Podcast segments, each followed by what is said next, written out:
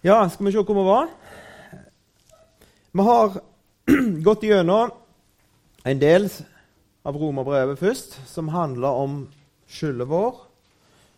Om at vi alle er skyldige innenfor Gud, uten unntak. Og det var vår skyld. Og vi har ingenting å si til vårt forsvar. Og så har vi sett at Gud greip inn og stilte fram Jesus som en, en nådestol i sitt blod, og gjorde at han kunne være rettferdige, en rettferdig Gud, og likevel frikjenne oss som sto der skyldige uten forsvar. Og Det er fortida vår. Det er befrihet ifra skyld og ifra straffe for synd. Og så kommer der en, en overgang, en, en, innledning, en avslutning av det avsnittet og en innledning til det neste, som vi begynte på i går.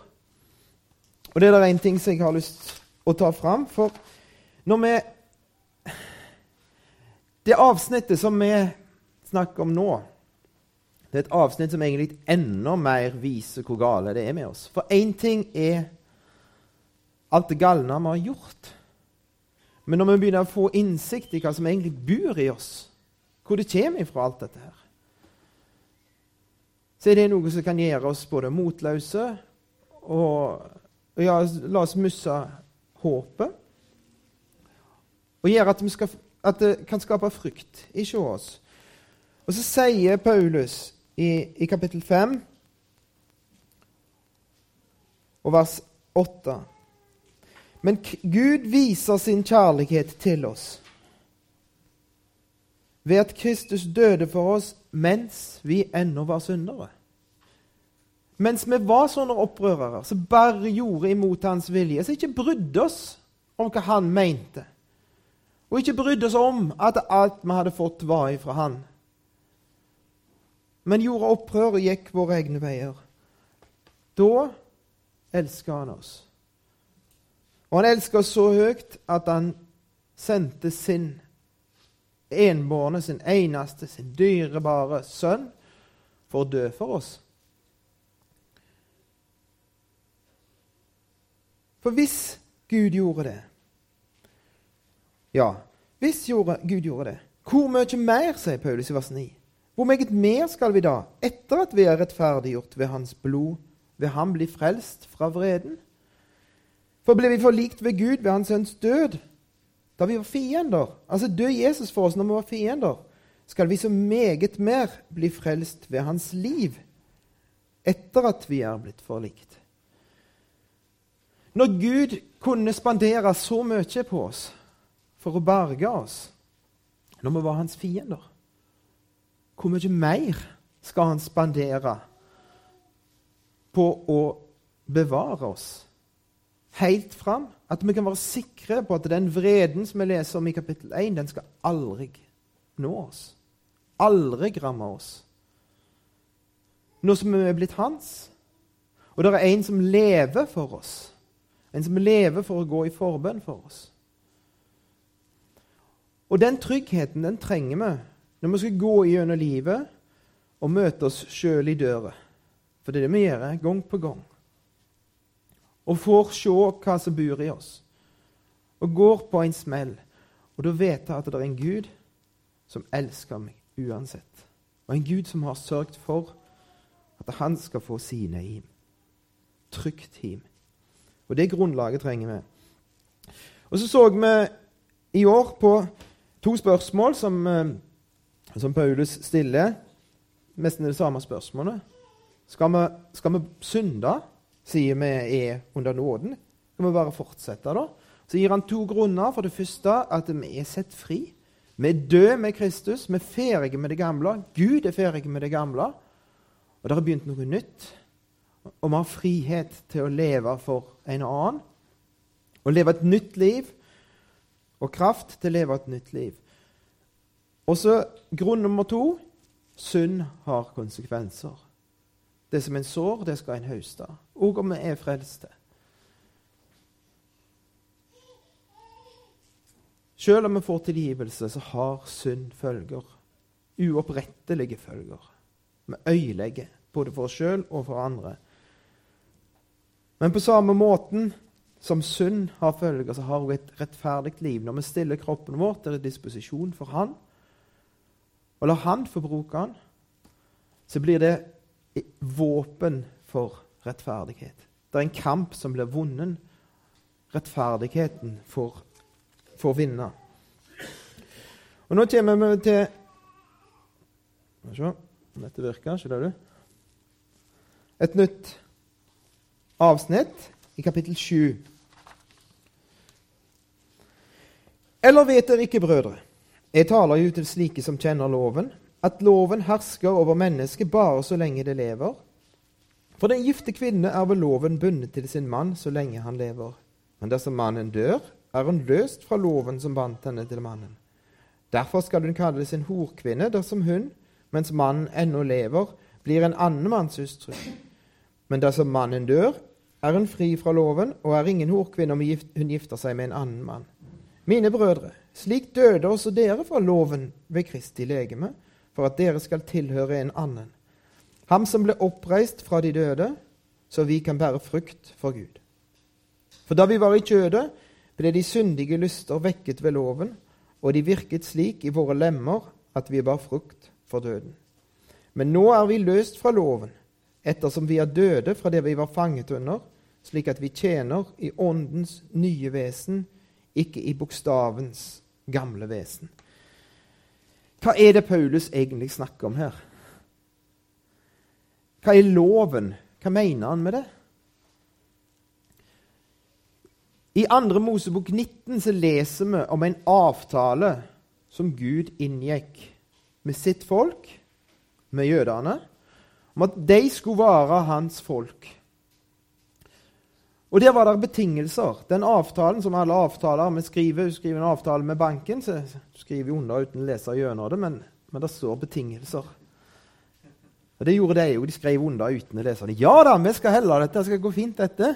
For du vil jo gi oss så mye velsignelse, Gud, så dette skal bli bra. Du skal, vi skal jo få være ditt folk framfor alle andre folk i verden. Vi skriver under på det. Problemet var at betingelsene klarte ikke de å helle. Betingelsene ble, endte opp som et slaveri for dem. Som et ulykkelig ekteskap. Det går an, og jeg er en av de som har fått ei kone som er ei gave fra Gud, og som har vært en rikdom i livet mitt i 19 år nå. Og vi er knytta sammen til døden. Og det er godt å være knytta sammen på den måten. Det er godt for meg. Og forhåpentligvis er det godt for Margitta òg. det kan du si for seg sjøl på tomannshånd med dere. Men det fins ulykkelige ekteskap. Det er et viktig valg en tar når en gifter seg. Det er ikke noe et valg en skal ta lett på. Det fins ulykkelige ekteskap. Og loven, den sa ekteskapet varer livet ut. Gud gav et lite unntak. At en mann kunne gi kona et skilsmissebrev. Det var en måte Gud skulle beskytte kona mot mannens makt på. Hvis mannen ville bare sette henne til side og ta seg en ny, sånn som de gjorde på den tida av og til, de hadde flere, så sa Gud ok, da skal du skrive ut et skilsmissebrev, at du er fri. Du ikke skal måtte leve i et sånt forhold. Men det var ikke skilsmisserett for ei kvinne i Det gamle testamentet. Loven sa det, at den eneste måten å bli fri på, det er ved at mannen dør. Men loven i dette tilfellet, som er ektefellen her, den dør jo aldri. Så det er jo klart det at uh, hun kunne jo hun i det ulykkelige ekteskapet kunne jo bli fri med at hun sjøl døde, men da var hun død. Ikke så mye nytte av det. Men det er det Paulus sier her. Slik døde også dere fra loven ved Kristi legeme, for at dere skal tilhøre en annen. Ham som ble oppreist fra de døde. For det, er geniale altså, Gud gjør, er at ja, han lar deg Og Det var ikke oss i utgangspunktet. Det var de, det var jødene, en del av menigheten i Roma, som var under denne avtalen. De var født inn i denne avtalen. Han gjaldt for dem. Og så sier Paulus Gud lot dere dø, som vi leste i år, med Kristus. Og så er dere fri ifra den måten å tjene Gud på, de betingelsene som kun førte til elendighet, for dere klarte ikke å holde dem.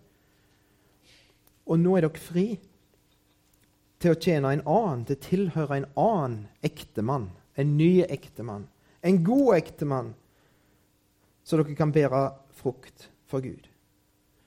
For hva er problemet med loven, da? Jo,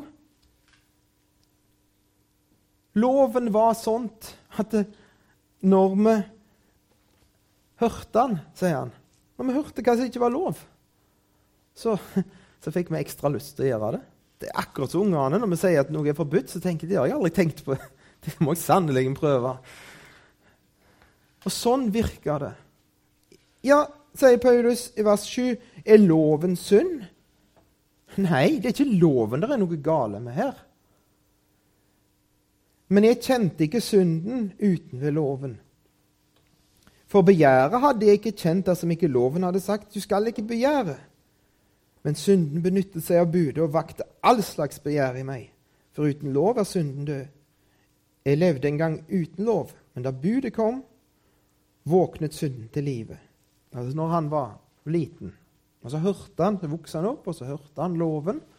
Og så ble det vekt all slags lyster igjen. Det ble synlig for han hva som var forbudt. Hva Gud hadde sagt nei til. Og så fikk han lyst til å gjøre det som var forbudt. Jeg, Da budet kom, våknet synden til live. Jeg derimot døde. Og det viste seg at budet som skulle være til liv, ble til død for meg. For synden benyttet seg av budet og dåret meg, lurte meg og drepte meg ved det. Så er da loven hellig og budet hellig og rettferdig og godt. Har altså det som er godt, voldt meg døden? Langt derifra, men synden gjorde det, for at den skulle vise seg som synd, ved at den benyttet det som er godt, til å føre død over meg. Ved budet skulle synden bli overmåte syndig. Loven den viser, den er termometeret som viser at du har feber. Den er vekter som viser at du veier for mye. Den er måleinstrumentet. Den viser her er det noe gale. Og synden ble avslørte med loven. Synden som bodde i oss. Den ble avslørte av loven. Gud gir sin hellige lov, sin rene lov, sier dette er godt, dette er rett, dette er det gode av livet. Og så får, er vi sånt på innsida at vi får bare enda mer lyst til å gjøre det som er feil. Og så sier Paulus videre, for vi vet at loven er åndelig. Jeg derimot er kjødelig, solgt til trell under synden. Jeg skjønner ikke det jeg gjør, for det jeg vil, det gjør jeg ikke. Men det jeg hater, det gjør jeg. Men gjør jeg det jeg ikke vil, da gir jeg jo loven medhold i at den er god. Så er det ikke lenger jeg som gjør det, men synden som bor i meg. For jeg vet at i meg, der i mitt kjød, bor intet godt. For viljen har jeg, men å gjøre det gode makter jeg ikke. Det gode som jeg vil, gjør jeg ikke. Men det onde som jeg ikke vil, det gjør jeg. Hva er det som skjer her? Her har du jo hørt Paulus. Du er jo fri til å tjene Jesus. Du er jo fri. Du er død med Kristus og oppstått med Kristus. Du er jo helt fri. Du trenger ikke synder lenger. Men så er det en opplevelse her at jeg vil. Jeg vil, men jeg får det ikke til. Og den opplevelsen tror jeg alle her kjenner til. En har lyst til å gjøre Guds vilje. En vet hva som er Guds vilje. Og så prøver en å ta seg sjøl i sammen og ta seg sjøl i nakken. Og så får en det ikke til. Det funker ikke.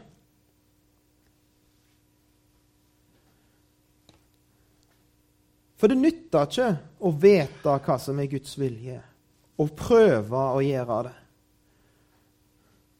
med å ta seg i sammen. For det er noen krefter som virker på innsida av oss. Det er noe som heter kjøtet, og det er et merkelig uttrykk. Og hvis, i, hvis dere har den, eh, den, nye oversettelsen, så vil dere se at det, mange plasser der jeg leser 'kjødet' eller 'kjøtet', så står det andre uttrykk. Oversettere oversetter det forskjellig. Men det er, et, det er, et, ord som Paulus bruker hele tida. Han snakker om kjøtet. Og kjøtet er jo egentlig bare muskler. Og det er ingenting gale med muskler. De fleste kunne tenkt seg mer av dem. Men, og, men, det er et ord som blir stående i første omgang bare for det vi er som mennesker, med kjøtt, kjøtt og blod, som jeg sier. Men så får det en dimensjon til. For denne kroppen her, den har sine lyster. Den har lyst på tilfredsstillelse.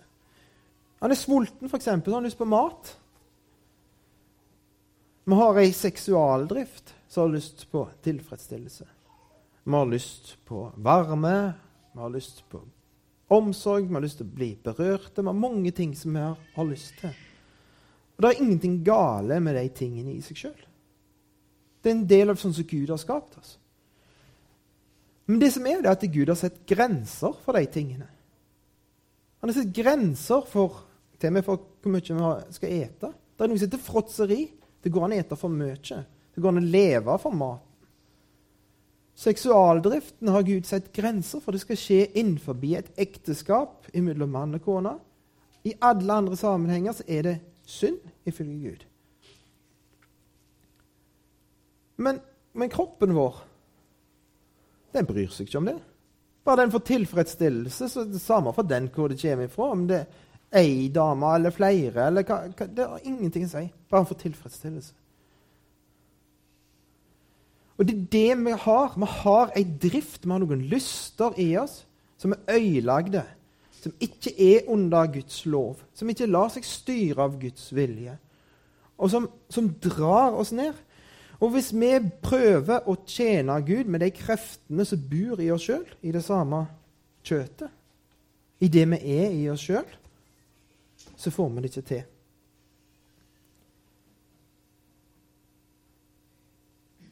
For jeg vet at i meg, det er i mitt kjød, bor intet godt. For viljen har jeg, men å gjøre det gode makter jeg ikke.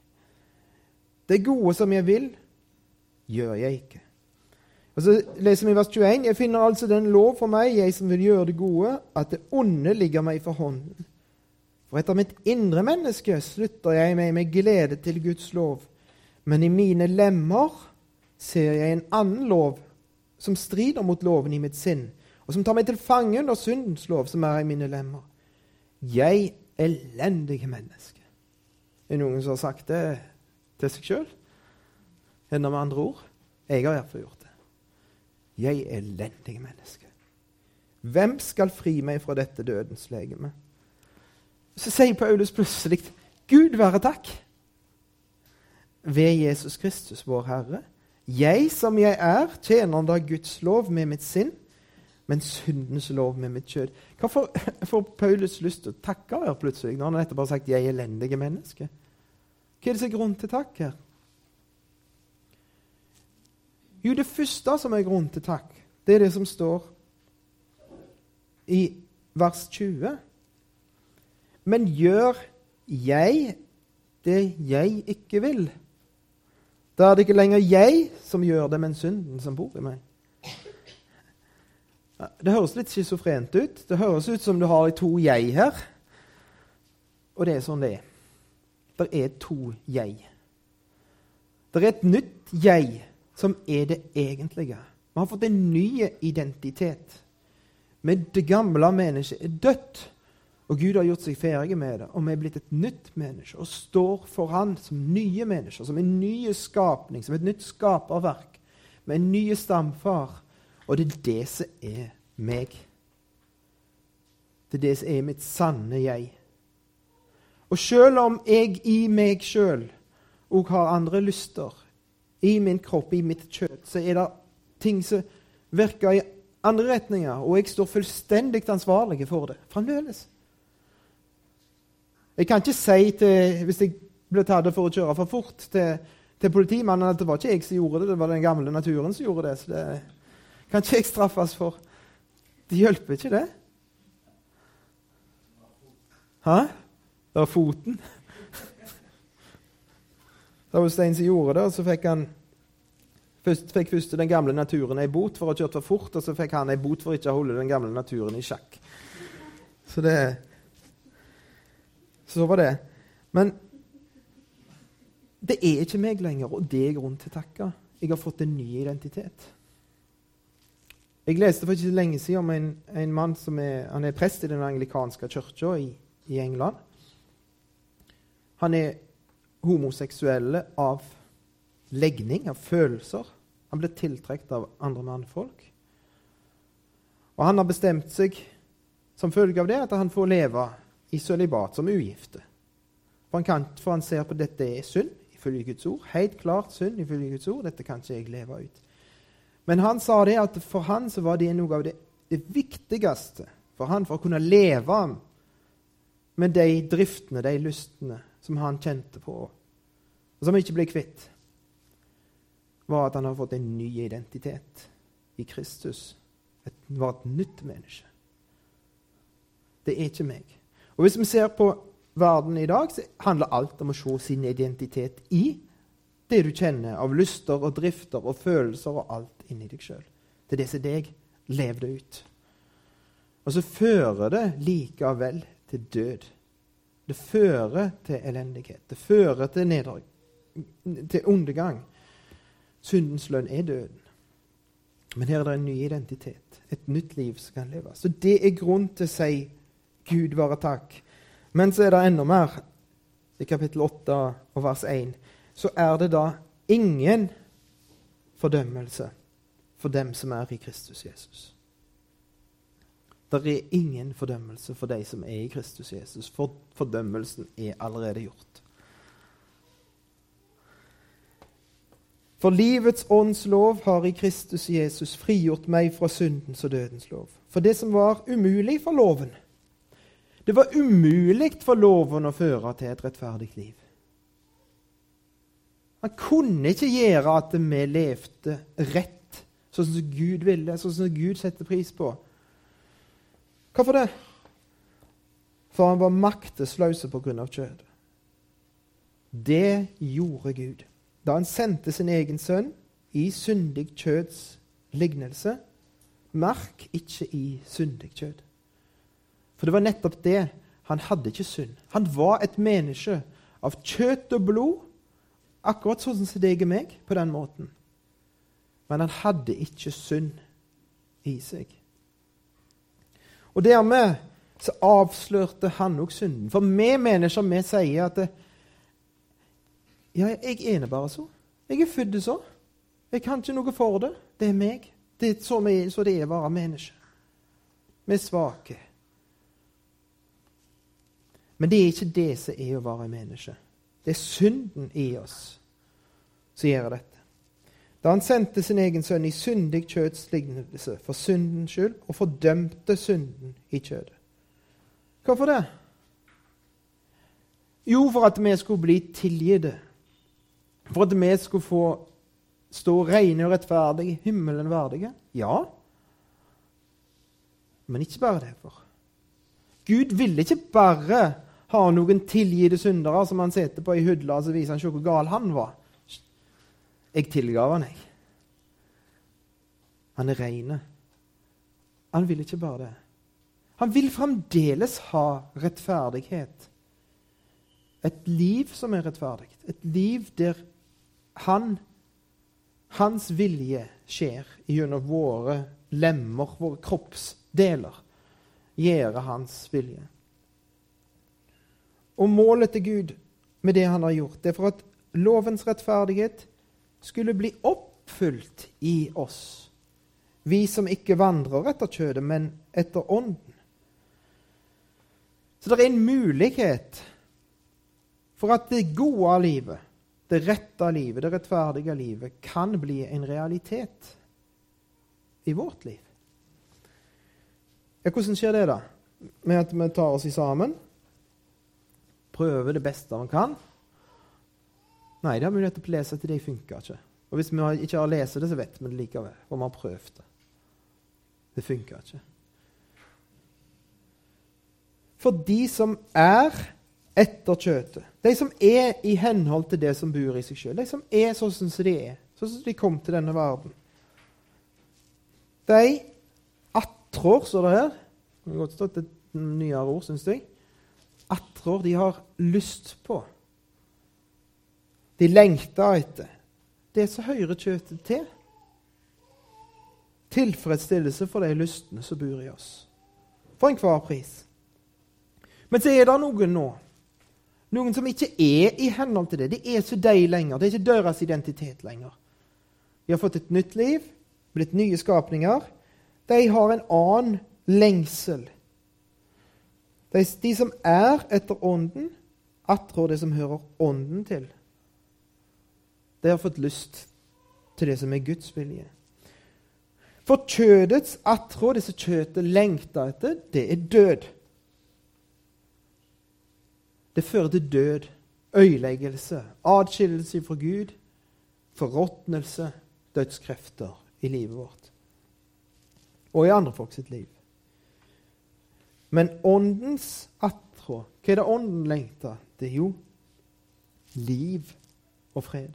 Så hvis Ånden får viljen sin, så blir det liv og fred i oss, i våre omgivelser, det vi, der vi går fram. For kjødets attrå, han understreker det igjen, er jo fiendskap mot Gud, for det er ikke Guds lov lydig. Kan heller ikke være det. For de som er i kjødet, kan ikke være Gud til behag.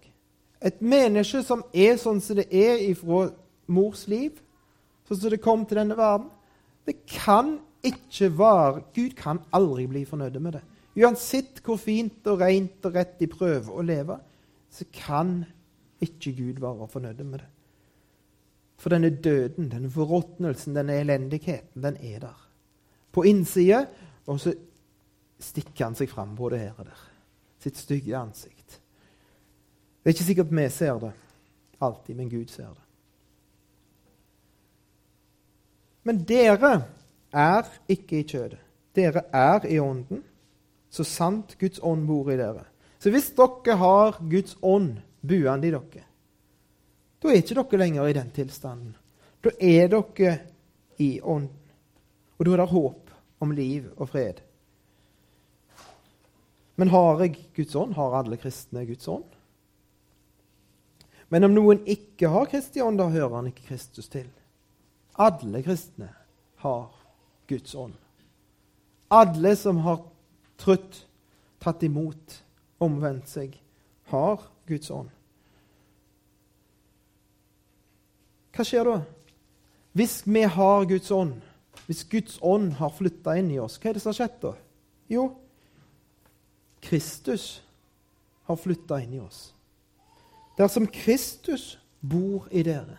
Han som sitter i himmelen, han som sitter med Guds høyre hånd og går i forbønn for oss, han sitter ikke bare der.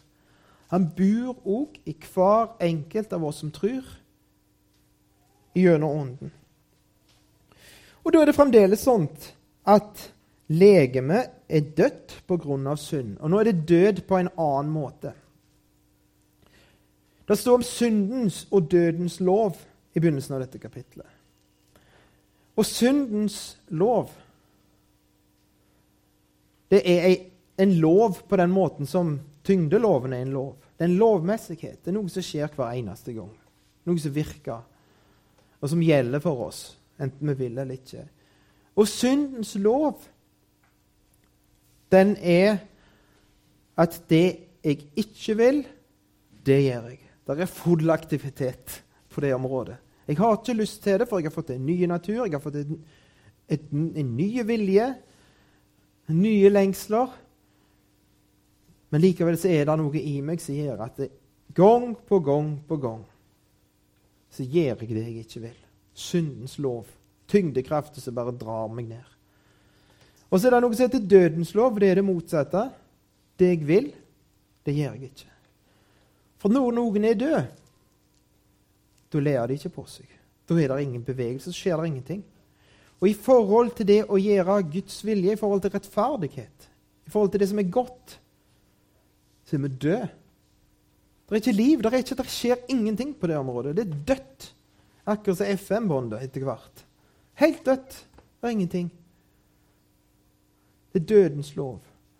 Og det er to lovmessigheter som ikke kan stå oss imot. Men så sto det om livets ånds lov, som har frigjort oss. Det er en ny lovmessighet som er kommet inn. En som virker på samme måte som når et, et fly likevel overvinner tyngdekraften. Tyngdekraften virker på flyet akkurat like mye som den virker på deg og meg. Men flyet detter ikke ned. For det er andre lover som holder det oppe. Og det er kommet en ny kraft, en ny lov, inn i vårt liv. Sier at det går an å unngå å bli beherska av syndens og dødens lov. Dersom Kristus bor i dere, da er nok legemet dødt av synd. Men ånden er liv. Og det er ikke bare levende, men liv. Det kommer liv inn i denne kroppen. her. Og liv, det gir seg til kjenne alltid. Liv, det viser. Ungene, når de er nyfødte, så griner de før eller seinere. Det kommer lyd, og det kommer livstegn. Og hvis det ikke kommer det, så er det, da er det skummelt. Og da, og da er det sannsynligvis et sterkt tegn på at det ikke er liv. Så liv vil vise seg. Dersom Hans ånd, som reiste Jesus opp fra de døde, bor i dere, da skal Han, som reiste Kristus opp fra de døde, også levendegjøre deres dødelige legemer ved sin ånd, som bor i dere. Da skal Han skape liv i denne her kroppen her. Da begynner denne hånden etter hvert å gjøre gode ting.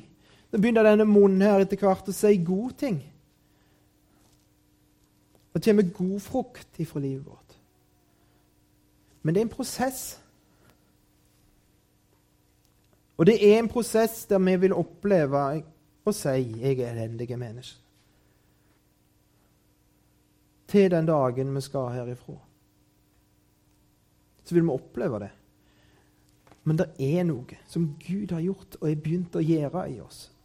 Og etter hvert så vil vi kanskje oppdage at det der vi sto, der vi falt, det ble vi stående denne gangen. Og så kan vi oppleve at ja, men så feller vi igjen der som vi sto. Vi trodde vi hadde vunnet seier, og så, så datt vi igjen. Det kan skje. Men det er likevel denne kraften ifra Gud som, som er i oss, som virker i oss. Men OK, dette er jo fint i teorien, sant? Og så kikker vi tilbake, så er vi 45 år, sånn som meg, og så kikker vi tilbake, og så ser vi Det er blitt så voldsomt mye bedre. Og så ser vi òg at det kunne gjerne ha blitt mye bedre òg enn det er blitt.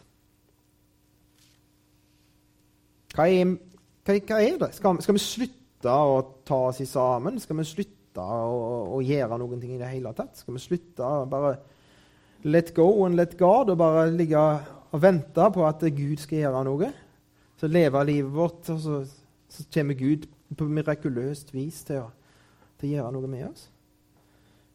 Nei, Paulus fortsetter med dette. Derfor, brødre, skylder vi ikke kjødet noe, så vi skulle leve etter kjødet. For dersom dere lever etter kjødet, da skal dere dø. Altså det som jeg leste om i kapittel 5. Det er nei, kapittel 6. Det er fremdeles sånt at det, hvis vi tillater kjøttet å beherske oss, så blir det død i livet vårt.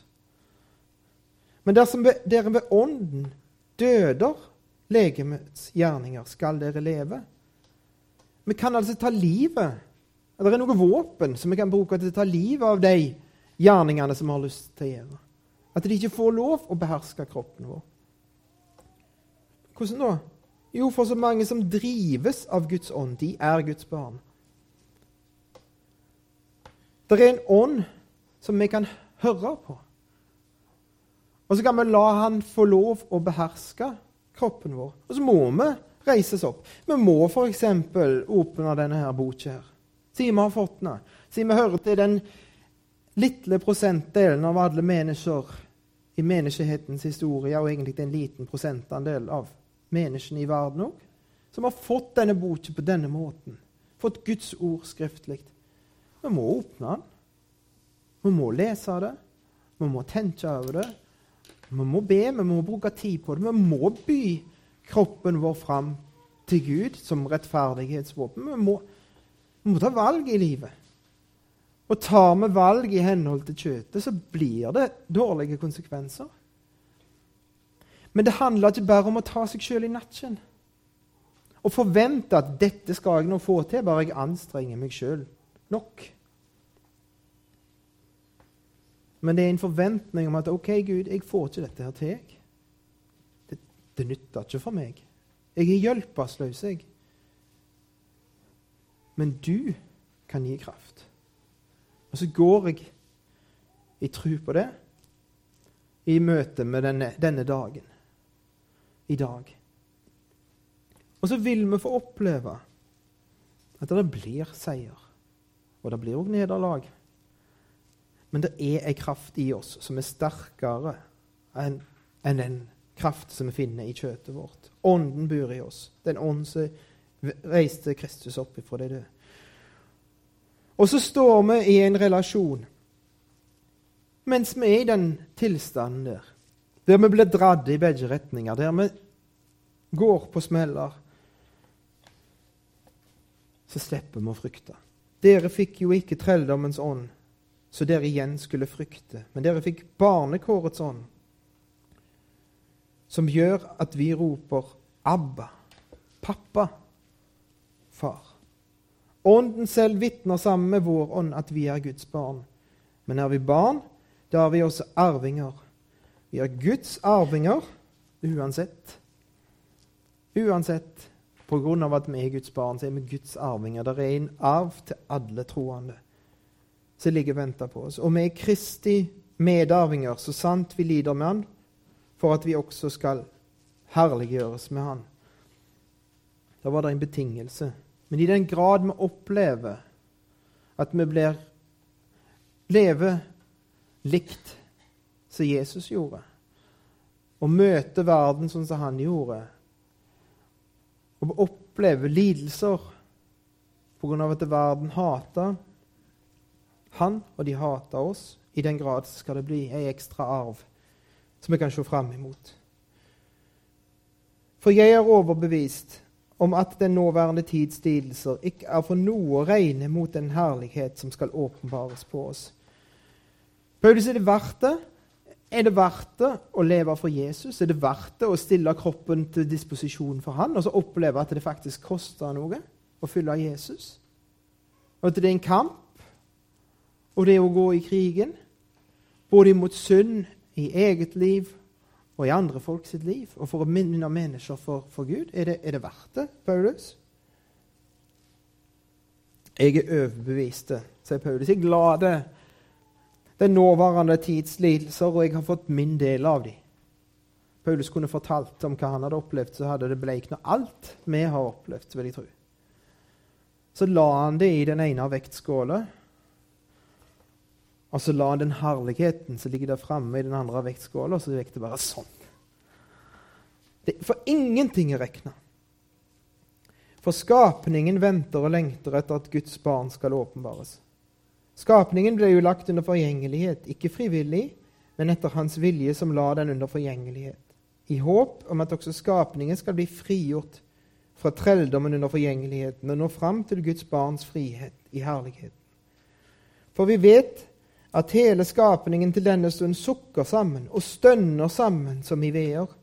Ja, ikke bare det, men vi som har fått Ånden som førstegrøde, også vi sukker med oss selv mens vi lengter etter vårt barnekår, vårt legemes forløsning. For i håpet er vi frelst, men et håp som en kan se, er ikke lenger noe håp. Hvorfor skulle en håpe på det en allerede ser? Men dersom vi håper på det vi ikke ser, da lengter vi etter det med tålmodighet. Vi kommer til å måtte gå gjennom livet med en kropp, et kjøtt, som trekker oss nedover. Vi kommer til å oppleve de kreftene hele livet. det kommer ikke til å bli bedre. Og det må vi leve med, og vi sukker og stønner. Og hele skaperverket sukker og stønner, sier Paulus. Men en dag så skal vi få frihet ifra syndet som bor i oss. En dag så skal vi få en ny kropp der synd ikke er. Der Ånden får lov å herske uinnskrenka. Det er ny, det nye mennesket, det som er nå, de nye lystene som vi har. Det er de som får bestemme. Og det blir en evighet uten svik. Uten baktalelse. Uten utroskap. Uten løgn. Uten misunnelse. Uten hissighet. Uten vold. Uten alt det som, som øyelegger, og som river ned. Og det lengter vi etter det. Og så står det også her kommer også ånden her, og her kommer også Ånden oss til hjelp i vår skrøpelighet. For vi vet ikke hva vi skal be om slik vi burde det. Vi trenger hjelp ifra Gud. Vi er avhengig av Han, og vi må be Han om hjelp. Men vi vet ikke hva vi skal be om. Vi vet ikke hva som er godt for oss, og hva vi trenger for at eh, Ånden skal få lov å vinne seier i vårt liv. At livet vårt skal bli et liv som er til Guds ære, og som teller i evigheten. Men Ånden vet det. Ånden selv går i forbønn for oss med sukk som ikke rommes i ord. Og så er det ikke bare så at Ånden gjør det, men han som gransker hjertene, vet hva Ånden trakter etter. For det er etter Guds vilje han går i forbønn for de hellige. Så Gud hører på Åndens bønn, og så vet han allerede hva vi trenger. Og så samarbeider Ånden som bor i oss, og Gud om å gjøre noe med oss og forandre livet vårt, sånn at det kan bli til ære for Gud. Og så gjør Gud noe som er helt utrolig. Vi vet at alle ting samvirker til gode for dem som elsker Gud, dem som etter Hans råd er kalt. Alle ting som skjer i livet vårt, de mest forferdelige, de mest meningsløse tingene, de tar Gud, og så fletter han de inn i sitt mesterverk.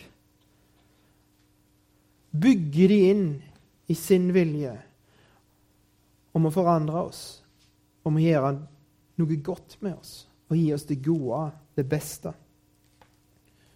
Og Hvis du lurer på hvordan Gud gjør det, så kan du se på hva Gud gjorde med menneskets ondskap på det ypperste. Det verste vi mennesker noen gang har gjort. Det var ikke andre verdenskrig. Det var ikke holocaust. Det var når vi tok det eneste syndfrie mennesket. Han eneste som bare var god. Var helt rene.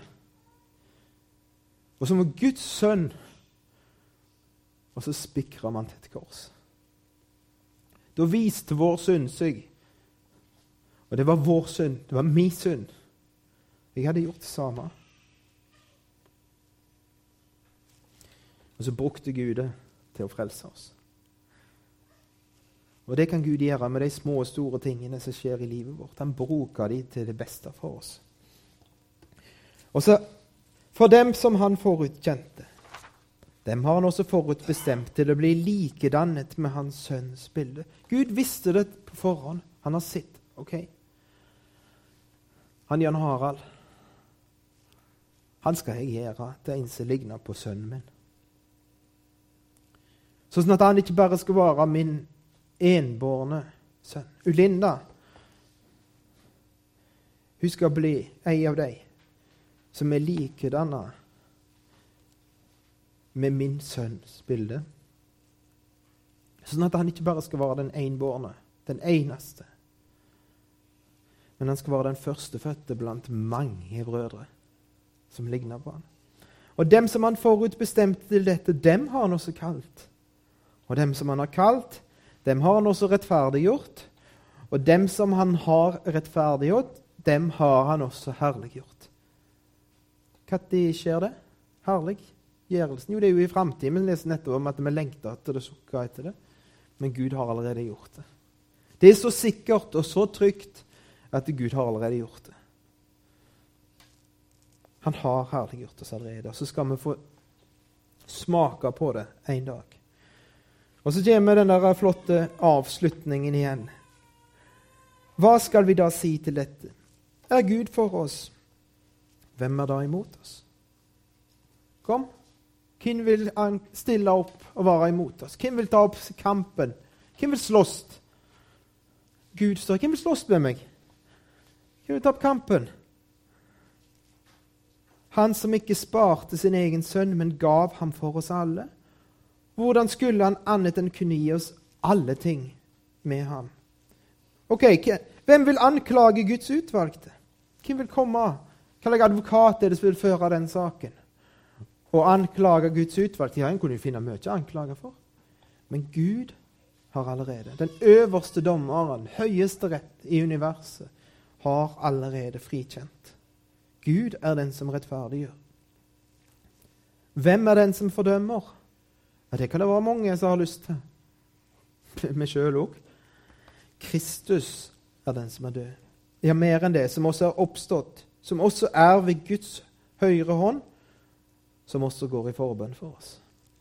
Ånden går i forbønn for oss, i oss. Faderen hører på og vet allerede hva Ånden vil be om, for det er hans vilje. Og Kristus går i forbønn for oss. Hele treenigheten er i arbeid for at vi skal bli likedanna med hans sønns bilde. Hvem kan skille oss fra Kristi kjærlighet?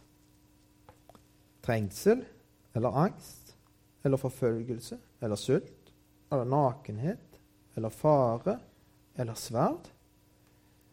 Ja, kan det skje? Trengsel eller angst eller forfølgelse eller sult eller nakenhet eller sverd? Som skrevet står, for din skyld drepes vi hele dagen. Vi blir regnet som slaktefår. Det er realiteten for mange, mange, mange av våre brødre og søstre rundt omkring i verden. Det er det det er å tro på Jesus. Det er ikke bare et sånt ekstra tillegg til livet, en ekstra livsforsikring som du kan ha på baklommen i tilfelle du skulle dø en dag.